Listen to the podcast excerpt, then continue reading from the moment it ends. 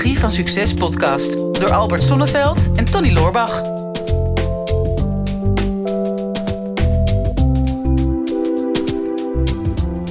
Ik kan er niet vanaf blijven, Tony. Dit kan echt alle kanten op gaan. Ja, ik bedoel mijn smartphone. Ja, oké. Ah, ik, ja. ik had me er zo voorgenomen eh, om wat minder eh, die smartphone te gebruiken. Mhm. En tegenwoordig kun je zo keurig zien wat je gebruikerstijd is. Valt toch een beetje tegen, merk een ik. beetje tegen. Ja, ik, Ik, eh, ik wou toch eigenlijk wel minder ehm, mijn smartphone gebruiken dan eh, dat ik op dit moment doe. Maar wat ik ook eh, mezelf voorneem, ehm, toch een beetje lastig om van die verslaving af te komen. Ja, willen we meer of minder smartphone gebruiken? Ja, minder, minder. minder. ja want inmiddels eh 10 tot 12 procent van de mensen die, die worstelen met eh, smartphone-verslaving. Wat denk Ja. je daarvan? Ja, nou, valt er nog enigszins mee, die statistieken. Als ik hier eh, door eh, Amsterdam fiets en ik zie hoeveel mensen er eh, zowel op het fietspad als op het voetpad als in de auto's gewoon op hun telefoon niet alleen kijken, maar gewoon echt aan het typen zijn. Ik denk ja, als jij gewoon op een fietsritje en je bent binnen Amsterdam, dus hoe ver kan je moeten? Weet je wel, Mhm. je, bent, je gaat geen uur fietsen. De meeste mensen fietsen aan hun werk. Als jij dan echt die 20 minuten fietsen, dat echt niet vol kan houden om dat appje dan 20 minuten uit te stellen.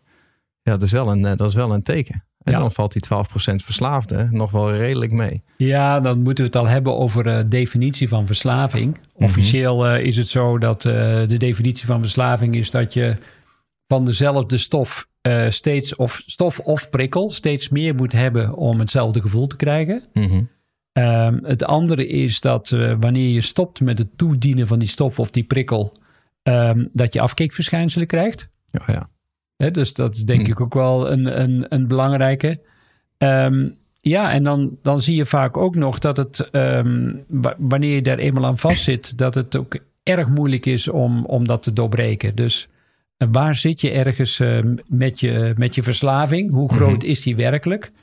En ik weet ook niet hoor, dit zijn dan weer gegevens die je van internet haalt. En uh, inmiddels kan het wel enorm zijn toegenomen. Meer dan die 12 procent uh, mm -hmm. waar hun over spreken. Ja, nou ja, kijk, als je zegt uh, steeds meer eh, gebruik. Ik denk dat, dat de meeste mensen dat wel hebben. Hè? Dus nu volgens mij het gemiddelde is al dat eh, in Nederland haalt eh, iemand 121 keer per dag zijn telefoon tevoorschijn. Gemiddeld. Hè? Dus dat je 121 keer per dag unlockt om iets te gaan bekijken. Dat, is, dat is al best wel veel. Ja. Dus dat heeft iedereen wel. Um, afkikverschijnselen weet ik niet. Alleen ik merk het bij mezelf ook wel dat als ik bijvoorbeeld een dagje in de sauna zit, dat je toch heel vaak die interne trigger hebt van ik kijk even op mijn telefoon, maar die, die heb je dan niet bij, want het mag op de een of andere manier niet in de sauna. Nee, daar snap ik ook helemaal niks van. Nee, heel raar eigenlijk, maar uh, dat is prima. Alleen ja. dat is ook gewoon bijvoorbeeld zodra er iemand naar, stel hè, ik ben met iemand in de sauna en die ander gaat naar het toilet. Dan ja. is instinctief mijn eerste reactie: ik ga nu op mijn telefoon kijken. Maar die heb ik dan niet. En daardoor ben ik me daar altijd bewust van. Nou ja, dat is al bijna een soort van afkikverschijnsel natuurlijk. Ja. Ja. Dus dat gaat, uh, dat gaat denk, ik, uh, denk ik best wel snel. Er bestaat zelfs tegenwoordig iets, uh, dat noemen ze Phantom Vibration Syndrome. Oké. Okay. En dat houdt in dat, um, stel jij zit op de fiets of je loopt op straat en er waait een zuchtje wind langs jouw broekspijp dan voelen jouw zintuigen voelen dat zuchtje wind. Maar omdat jij gewend bent om zo vaak op een dag een trillende telefoon te voelen, uh, is je brein anders gaan werken en registreert je brein die, dat zuchtje wind als een trilling van je telefoon. Ja. He, dus je bent er 100% van overtuigd dat je telefoon trilde. Maar als je dan vervolgens kijkt, blijkt die niet getrild te hebben. Oh. Dat noemen ze de Phantom Vibration Syndrome. Ja. En dat is, dat is gewoon een, besta een bestaand iets al. Dus leg nog eens uit, een wind in je broek en dan?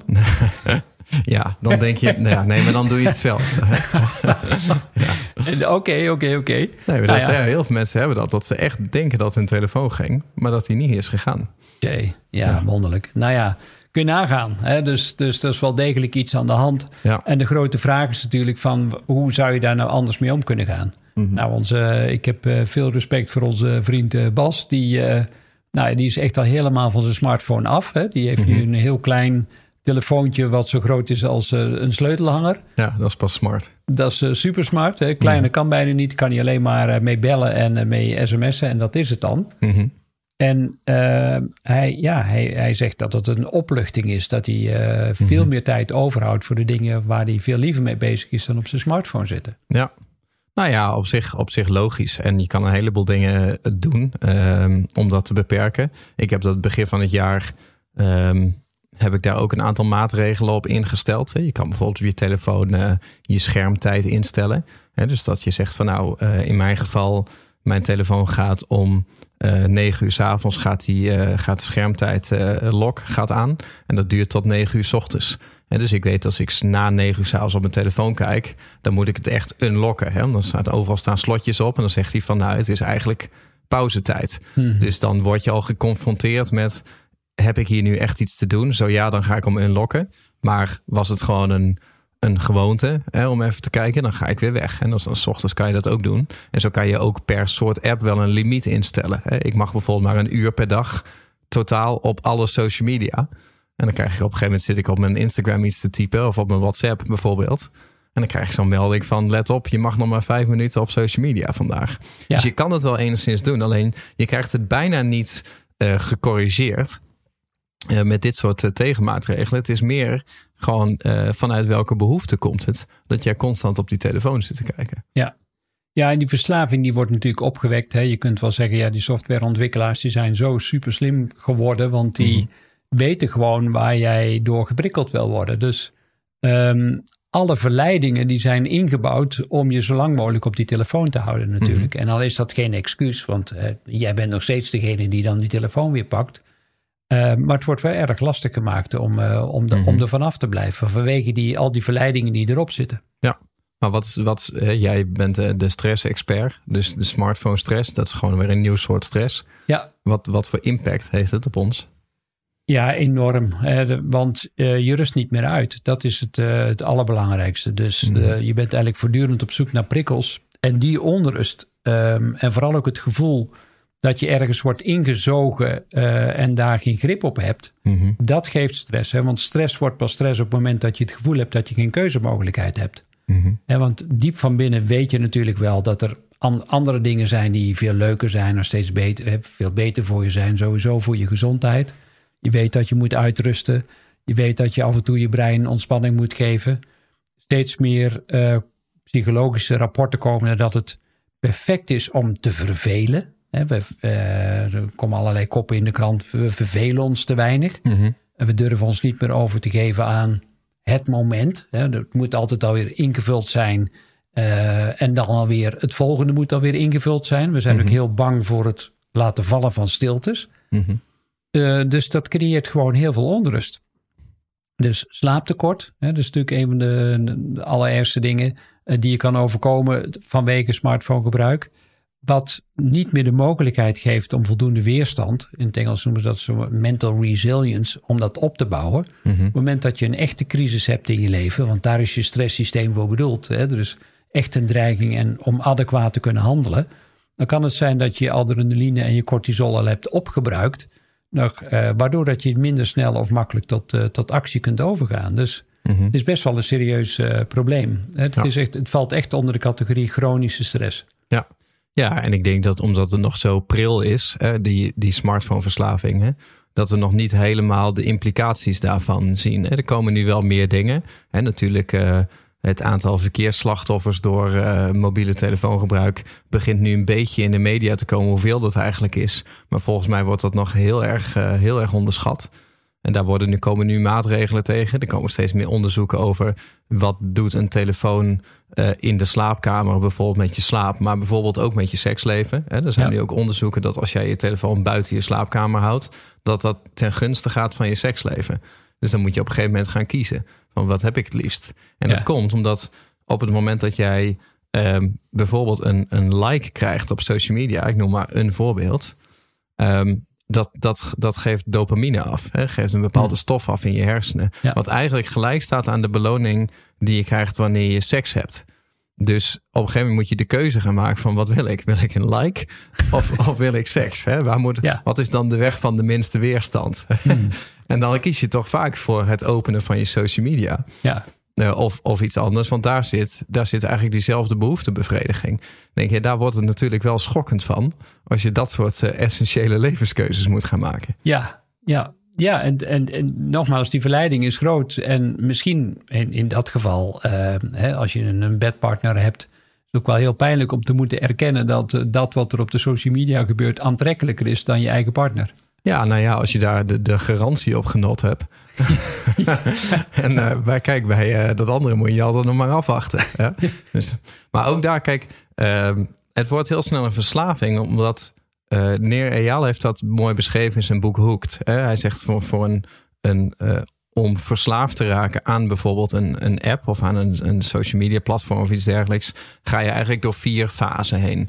het begint in eerste instantie fase 1, dat is de, de trigger. Dus dat is eerst een externe trigger. Bijvoorbeeld, ik uh, zit op mijn telefoon te kijken en ik zie een, uh, een rood bolletje staan bij mijn WhatsApp. En dat is voor mij een trigger. Uh, want dat rode bolletje, dat, dat contrasteert. Hè? Als het nou helemaal mooi in het midden zat, dan zou me dat niet zo storen. Maar het zit in het hoekje en het zit niet in het patroon. Dus dat stoort me en ik wil dat rode bolletje weg hebben. Dus daarom klik ik het aan. Dat is mijn trigger.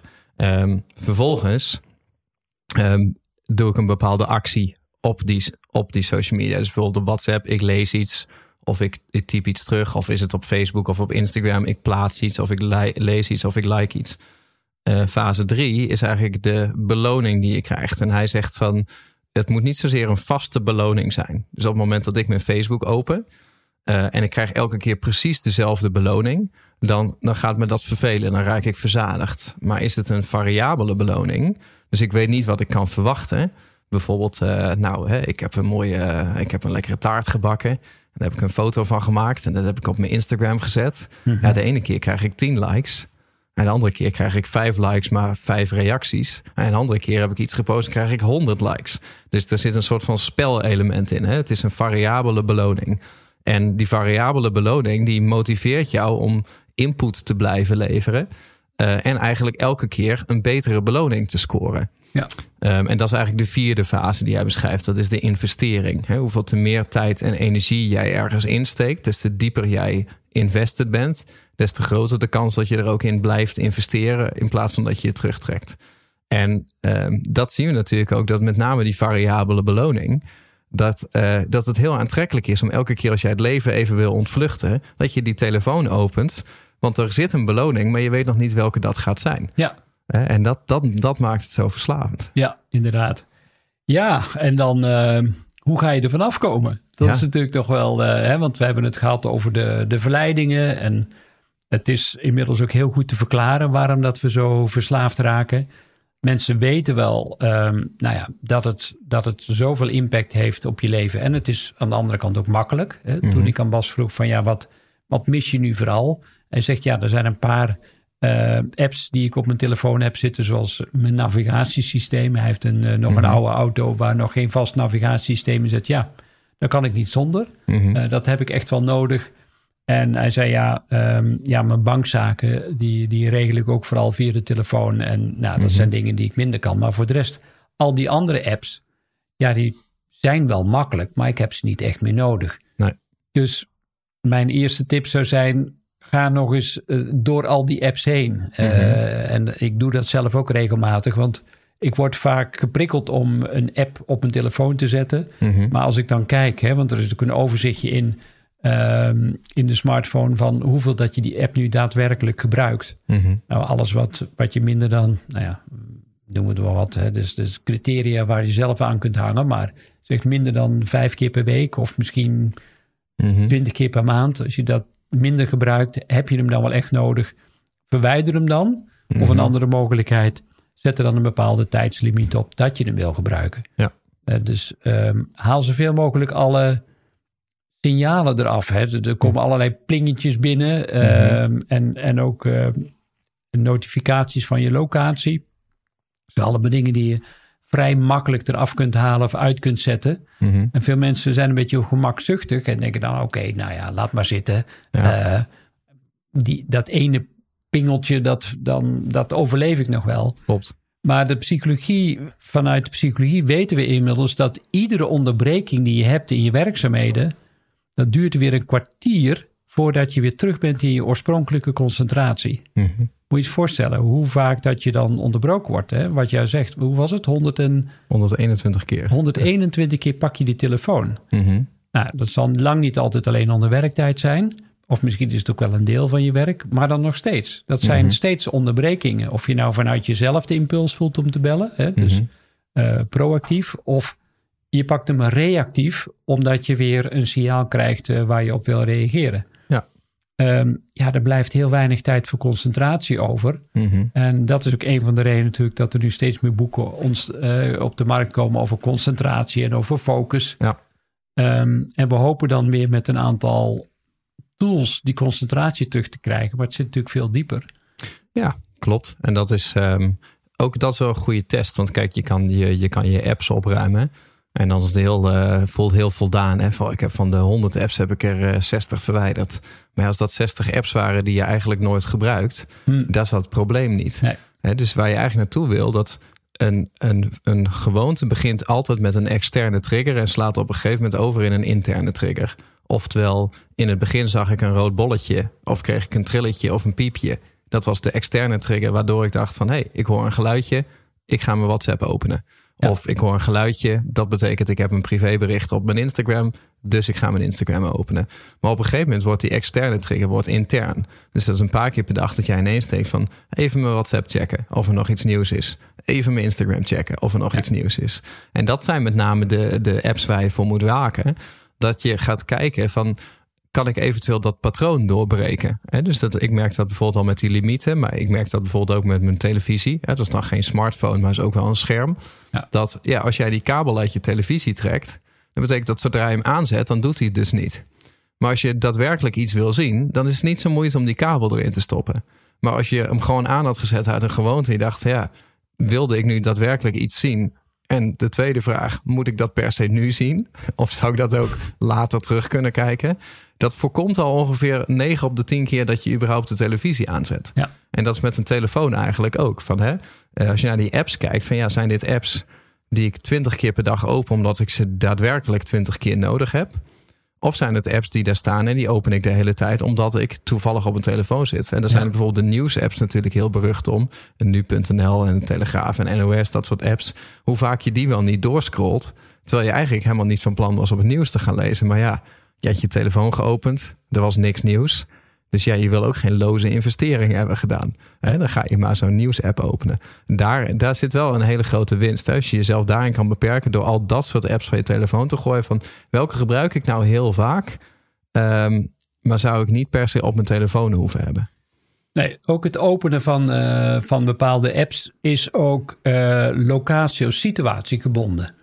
Dus sommige mensen hebben, oh ja, als ik wakker word, ik lig in mijn bed, dus dan is het gekoppeld aan een situatie of een locatie.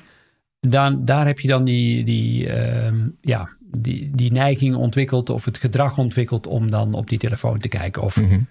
voordat ik ga eten of nadat ik ga eten of wanneer ik op de parkeerplaats sta of nou ja, weet ik wat voor momenten dat je allemaal gecreëerd hebt. Mhm. Daar zit ook de mogelijkheden om, eh, om patronen te doorbreken. Dus Ja. Het helpt als je voor jezelf gaat inventariseren. Wat zijn nou die typische plaatsen of locaties waar ik ehm, altijd de neiging heb om op mijn telefoon te kijken? Mhm. Ehm, bijvoorbeeld kun je al met jezelf afspreken, zeg van nou tijdens de maaltijd leg ik die telefoon ver weg op een, op een plaats waar ik echt de moeite moet doen. Mhm. Je hoeft hem niet per se op zolder te leggen, maar zou wel een mooie tip kunnen zijn. Ja. Zo ver mogelijk van je vandaan. En dan zul je merken dat je met veel, veel meer aandacht en met veel meer zorg kunt eten ook. Dus Mhm. ehm, dat is zo'n moment. Of je kunt ook besluiten, ik neem die telefoon nooit ooit meer mee op mijn slaapkamer. Ja, maar dat zijn hè, bijvoorbeeld tijdens de maaltijd of in de slaapkamer. Eh, ik kan me voorstellen dat dat plekken zijn waar je juist je smartphone gebruik wil minderen. Zeker Ja. als je met iemand eet, dan is dat een plek waarvan je denkt, dan doe ik hem weg. Maar stel dat je plekken hebt zoals van, oké, als ik naar het toilet ga, dat is voor mij een smartphone momentje. Ja. Dat is wat wij nu online, of wat wij de ondernemers nu ook leren qua marketing. Van je moet een advertentie hebben die mensen eh, doet stoppen met scrollen wanneer ze op het toilet zitten en ze scrollen door de Instagram feed heen. Of door de stories of door de Facebook timeline. Dan moet jij een ad hebben die dus een toiletterende bezoeker doet stoppen met scrollen. En dus Ja. begint marketing een heel ander vak te worden. Ja, Dus zou je dan zeggen van oké, ehm, ik wil mijn smartphone gebruik minderen. Ik uh, kies een plek uit waarop ik mijn smartphone mag gebruiken, zoals op het toilet. En daar mag ik all out gaan. Maar zodra ik er vanaf ben, dan moet hij weg. Ja. Of wil je juist zeggen van ik moet al die vaste plekken, mag ik hem niet meer? Nou ja, het gaat erover, ieder heeft zo zijn eigen limiet. En um, ik wil helemaal niet moraliserend zijn door te zeggen van stop met het smartphone gebruik, want dat is hm. gewoon niet reëel. Mhm. Maar je wil het gevoel hebben dat je weer een keuzemogelijkheid hebt. we mhm. hadden het over verslaving. En een verslaving wordt een verslaving wanneer je het gevoel hebt dat je geen keuzemogelijkheid meer hebt. Mhm. Dus als jij weer kunt gaan kiezen, dat je weer de regie kunt nemen over je eigen leven en over je eigen smartphonegebruik, dan is geen probleem. Hè? Ehm, als ik weer het gevoel heb dat ik een bepaald gedrag kan doorbreken, ja, dan voel ik me helemaal prima. Dus mhm. als jij lekker op de wc wil gaan zitten scrollen, dat is prima, maar beperk het dan tot dat moment. Ja, het kan wel zijn dat je dan dus ineens drie keer zo lang op het toilet zit elke dag. Ja, dat of als je zo'n uh, ring om hebt, dat die op een gegeven moment de dokter inschakelt van deze jongen zit acht uur per dag op het toilet. Dat kan niet de bedoeling zijn. Ja, ja nou ja, je kunt maar ergens mee aan de rol gaan natuurlijk. dus inderdaad, ehm, ja, dat, dat zul je voor jezelf en uh, als je huisgenoten hebt ook nog met je huisgenoten moeten afspreken. Mm maar ook daar kun je natuurlijk weer een tijdlimiet aan verbinden.